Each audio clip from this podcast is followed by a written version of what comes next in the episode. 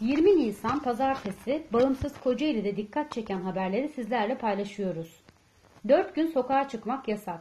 Cumhurbaşkanı Recep Tayyip Erdoğan 23, 24, 25, 26 Nisan'da sokağa çıkma yasağı uygulanacağını açıkladı. Koronavirüsünde reklam yaptı. AKP'li Çayırova Belediyesi birkaç dezenfektan ekibinin sokaktaki görüntülerini drone ile kaydetti. Söz konusu görüntülerden önce Yeşilçam'dan Yaşar Usta'nın kısa bir anı yerleştirildi. Görüntüler Çayırova Belediye Başkanı Bünyamin Çiftçi'nin reklamıyla tamamlandı.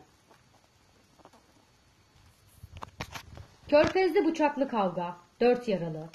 Körfez Yeniyalı Mahallesi Necmettin Erbakan Kapalı Pazarı alanında iki grup arasında çıkan bıçaklı kavgada 4 kişi yaralandı.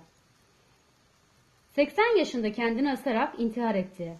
Kocaeli'nin Kandıra ilçesinde ikamet eden 80 yaşındaki 5 çocuk babası Hüseyin Kaner, çocuklarıyla yaşadığı evinin ardiyesine kendini asarak intihar etti.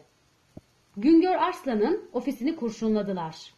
İzmit Cedid mahallesinde bulunan bir internet gazetesinin ofisi sabah saatlerinde kimliği belirsiz kişi ya da kişilerce kurşunlandı.